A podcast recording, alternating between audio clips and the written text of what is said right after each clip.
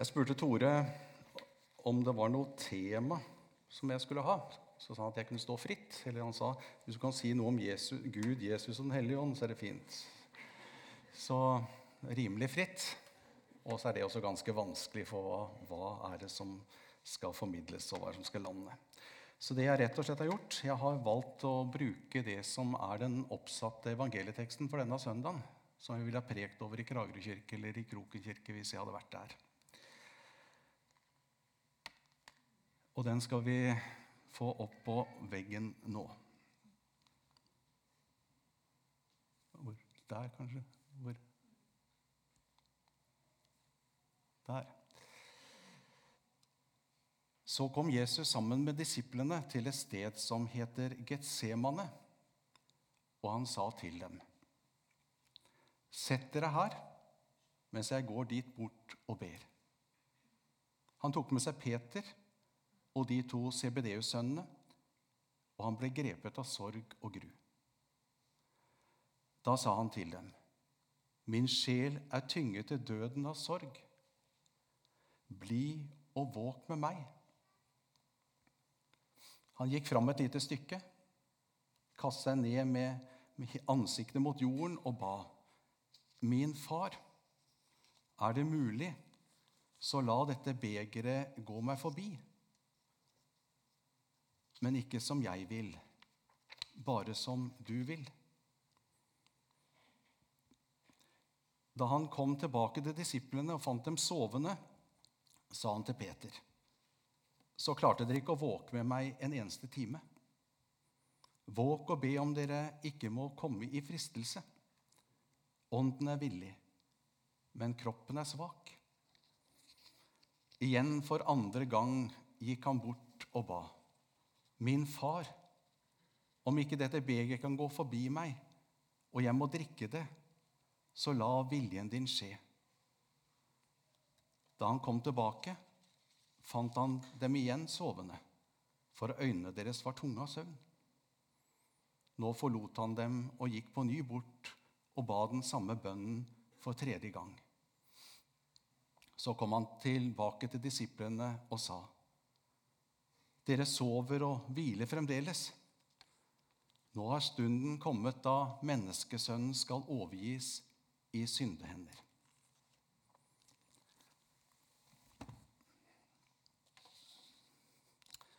Som sagt, jeg valgte å preke over det evangeliet som er satt opp i den tekstrekka som vi følger i Den norske kirke. Og som dere har fått med dere, så er det Jesu bønnekamp i Getsemane. Jesu bønnekamp før det spiser seg til for ham. Spiser seg til med fengsling, dom, offentlig trakassering, ydmykelse, henrettelse på kors, død og grav. Vi møter Jesus som ber, ber inderlig.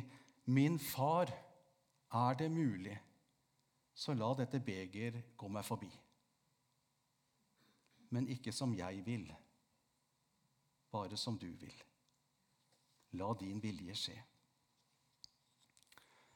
Hver dag den siste uka har det blitt bedt i kjellerrom og i bunkere, i kirker og i private hjem i Ukraina.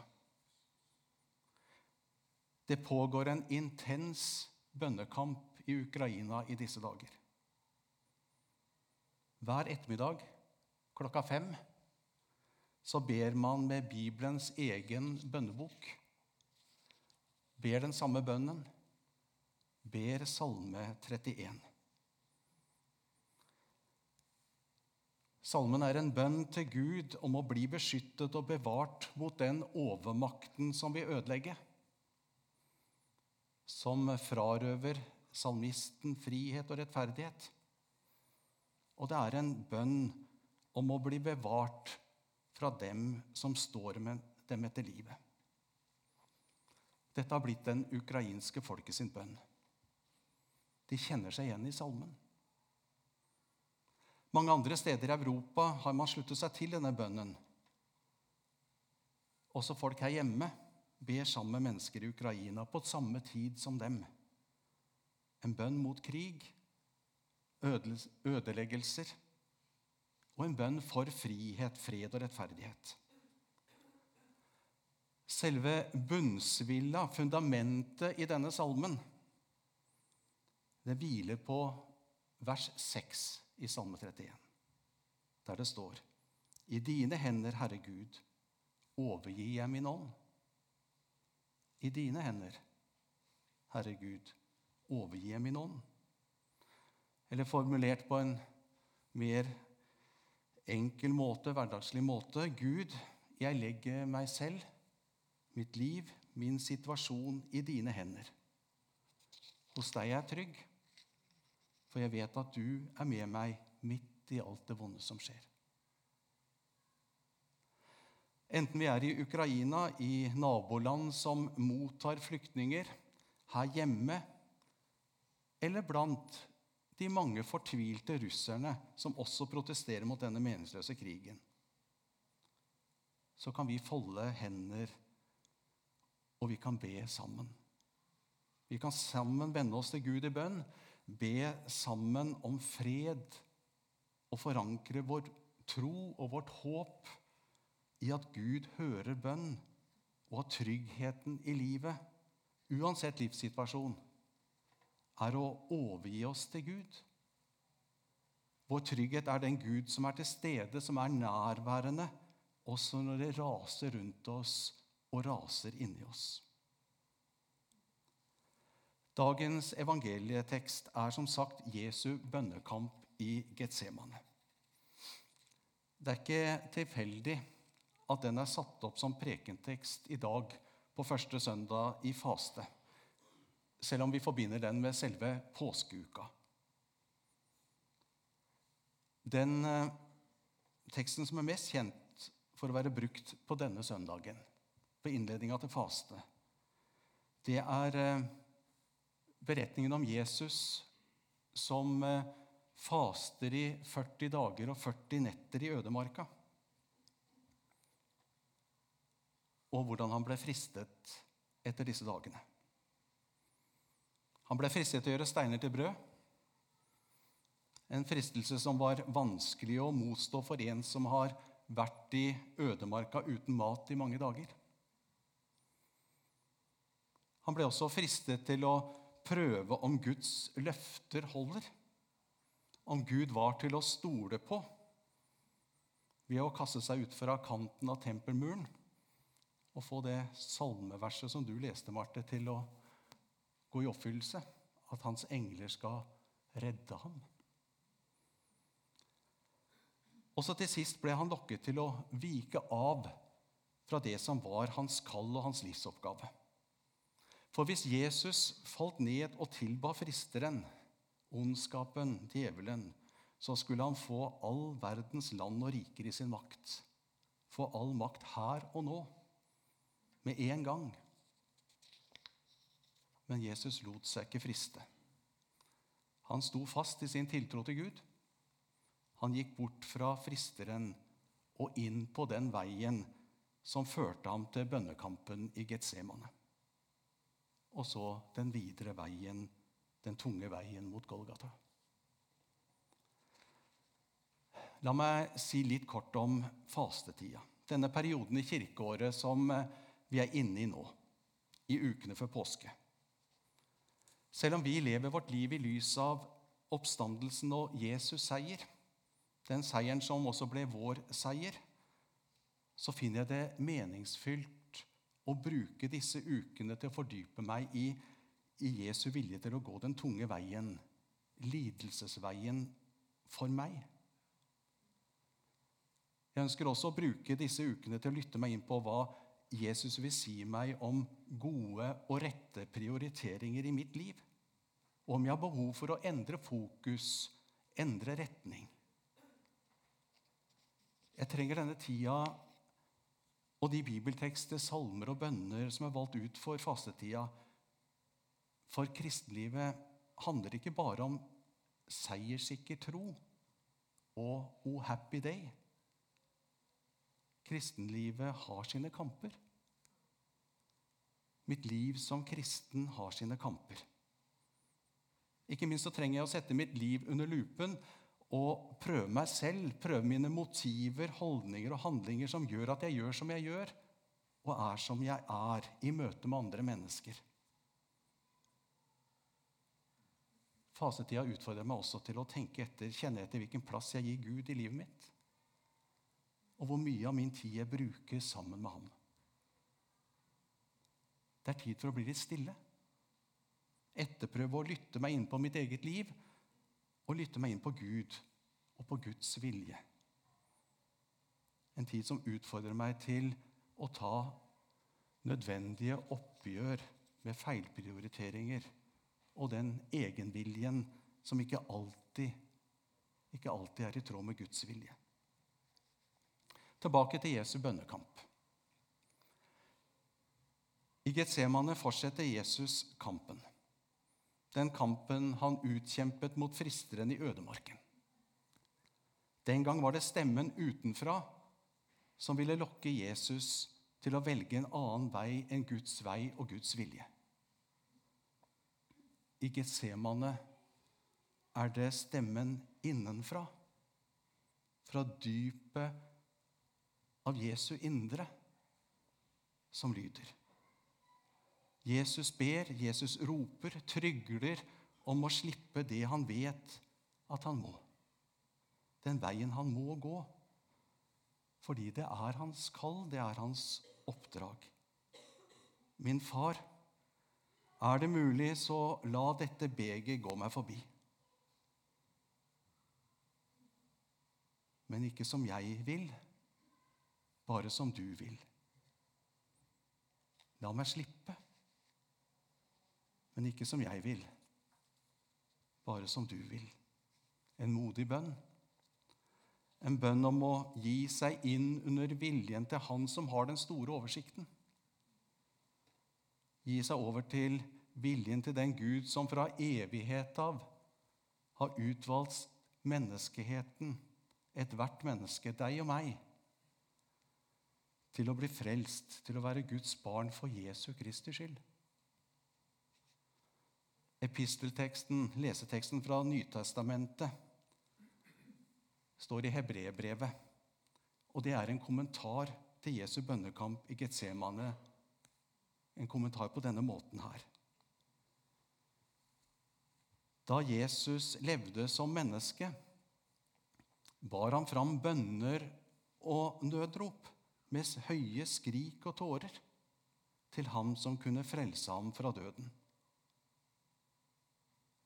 Og han ble bønnhørt fordi han var gudfryktig. Enda han var sønn, lærte han lydighet ved å lide. Da han hadde nådd fullendelsen, ble han opphav til evig frelse for alle dem som adlyder ham. Jesus ble bønnhørt ved å få styrke til å gå lidelsens vei selv om det kostet ham alt. Jesus ble bønnhørt fordi han med det vant den seier at Guds plan ble fullført, og at vi fikk evig frelse. Vi ble frelst for tid og evighet fordi han ga opp, ikke ga opp. At han ikke ga etter for redselen som overmannet ham, men at han fant trygghet, trygghet i å legge sitt liv i Guds hender og i det å følge Guds vilje. Jeg trenger denne fasetida for å ta dette inn nok en gang. Stopp opp og lytte meg inn på Jesu bønnekamp. Sette av tid til ettertanke og refleksjon over hva Jesus faktisk var villig til å gå igjennom for min skyld. Det er ikke til å fatte og forstå, men det gjør meg så utrolig takknemlig.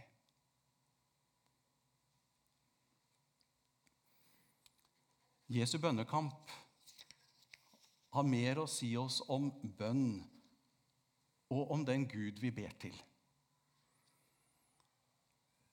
Mer å si oss om det å våke, det å vente, om det å være lydhør for hva Gud vil med oss. Det er flere sider ved og utfordringer i denne beretningen som det er verdt å stoppe opp ved, tenke på, reflektere over. Som en kommentar til Jesu bønnekamp i Getsemane har Vidar Christensen og Heistadgutten Per Tveit skrevet sangen 'Den vanskeligste bønnen å be med ærlig sinn', er bønnen 'La din vilje skje'. Det andre verset i sangen lyder slik.: Den siste sterke bønnen som Jesus lå og ba, var bønnen 'La din vilje skje'. Om det som ligger foran, er lett å flykte fra, og ingenting gir lyst til å si det Jesus sa, så Herre, lær meg likevel å be. La din vilje skje.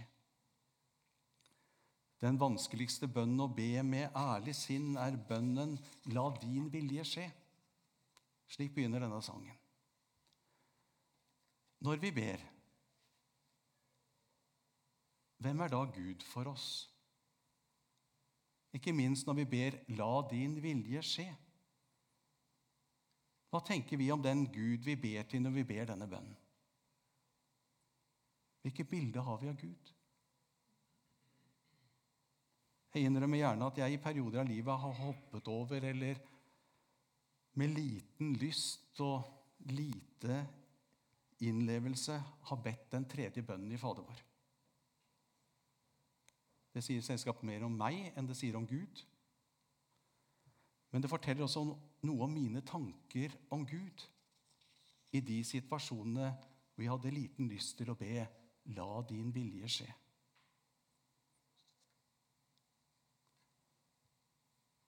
Det er lett å tenke at Gud ikke unner meg det som er godt. Gud blir i mitt hode gniende og påholdende, lite raus.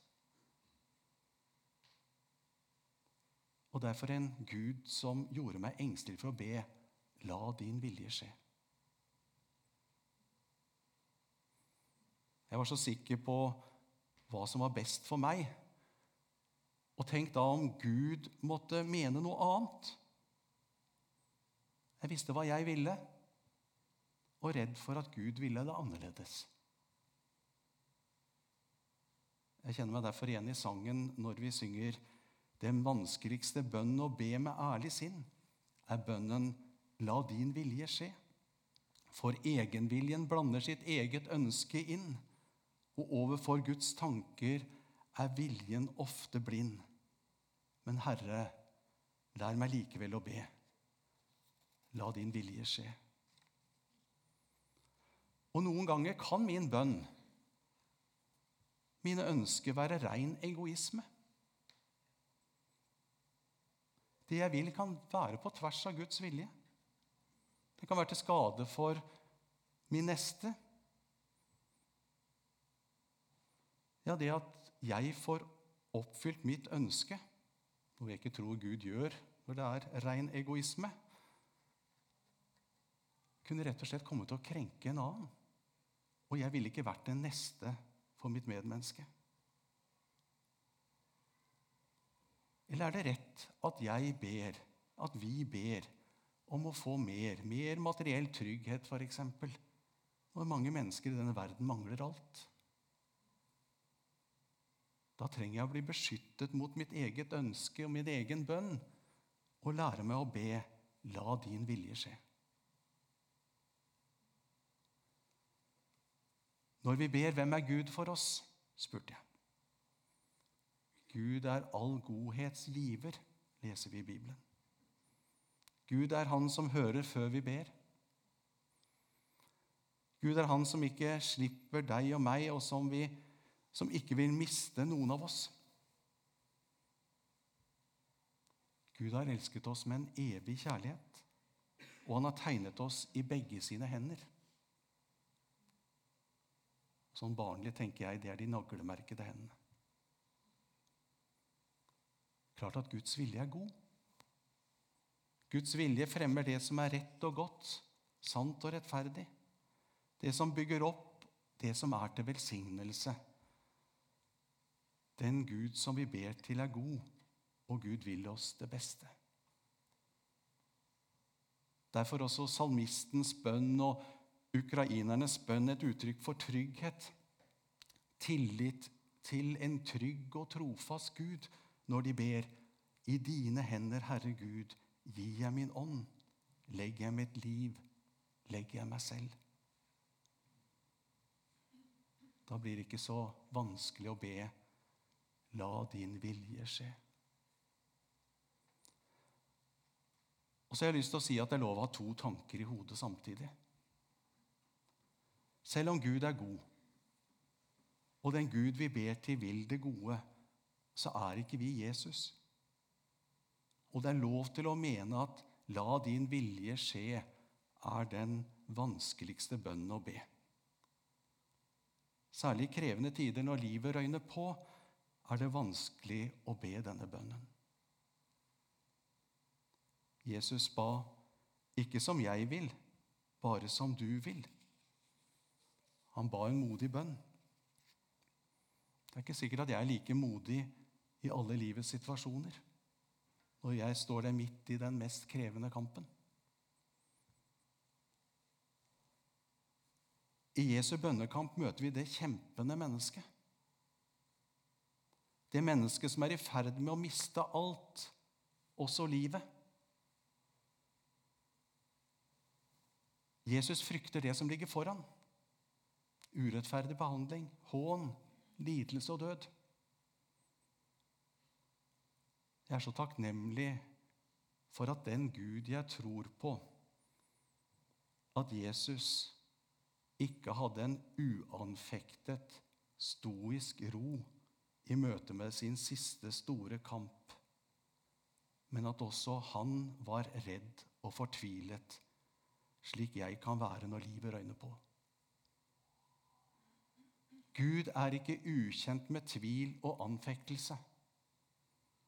Han vet hvor utsatte og sårbare vi kan være, vi mennesker. Jeg er takknemlig for at det er denne Gud som jeg får be til når jeg møter livets tyngste slag. At det er denne Gud jeg kan henvise mennesker til når de kjemper sine livs tøffeste kamper. Når de ber uvisse på hva utfallet må bli.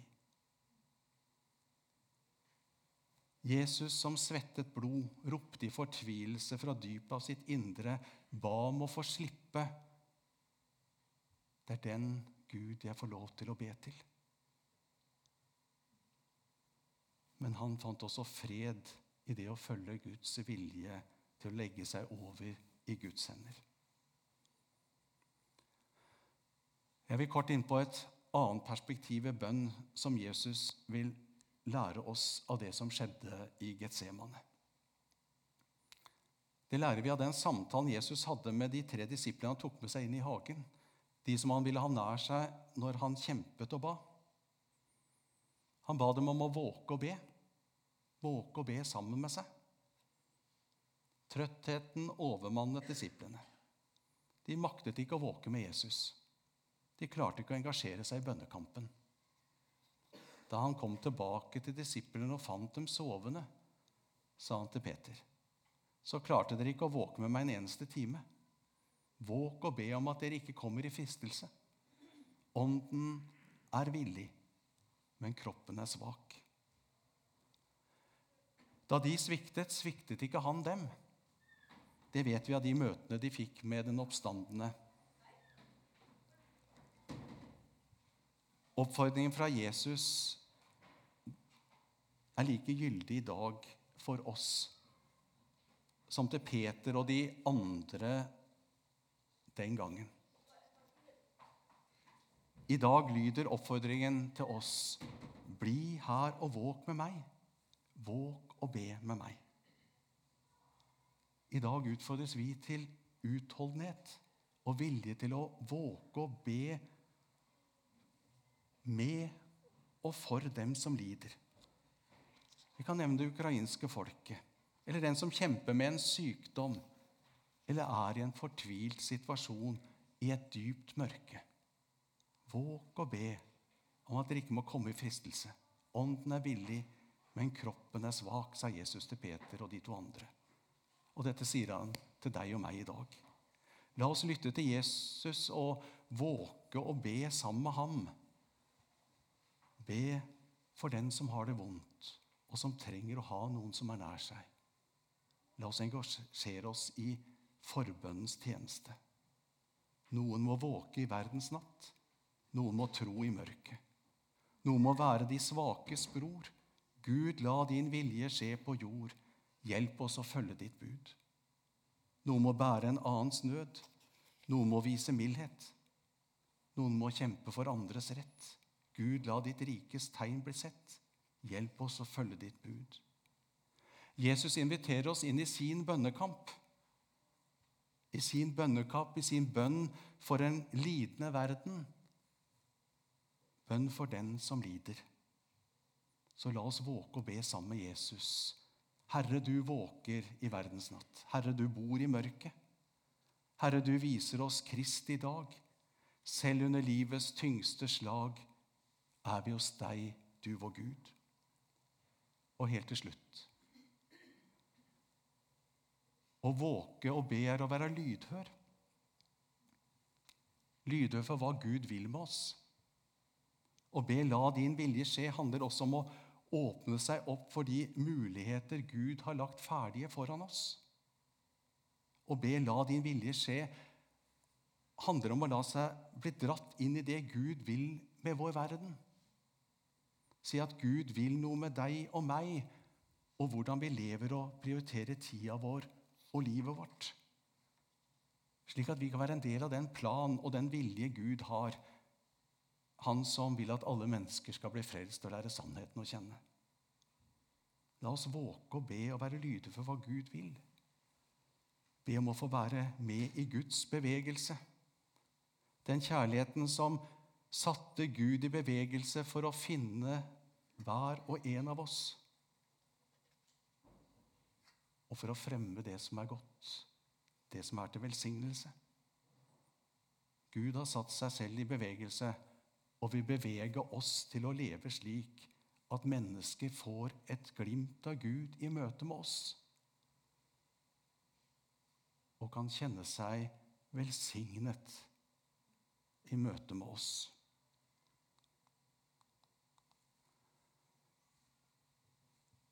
Den enkle, stille bønnen som åpner Herrens vei, er bønnen 'La din vilje skje'. Og den som ber som dette, vil ikke lett gå lei, men stadig overraskes og stadig undre seg. For Herre, det er spennende å be. La din vilje skje.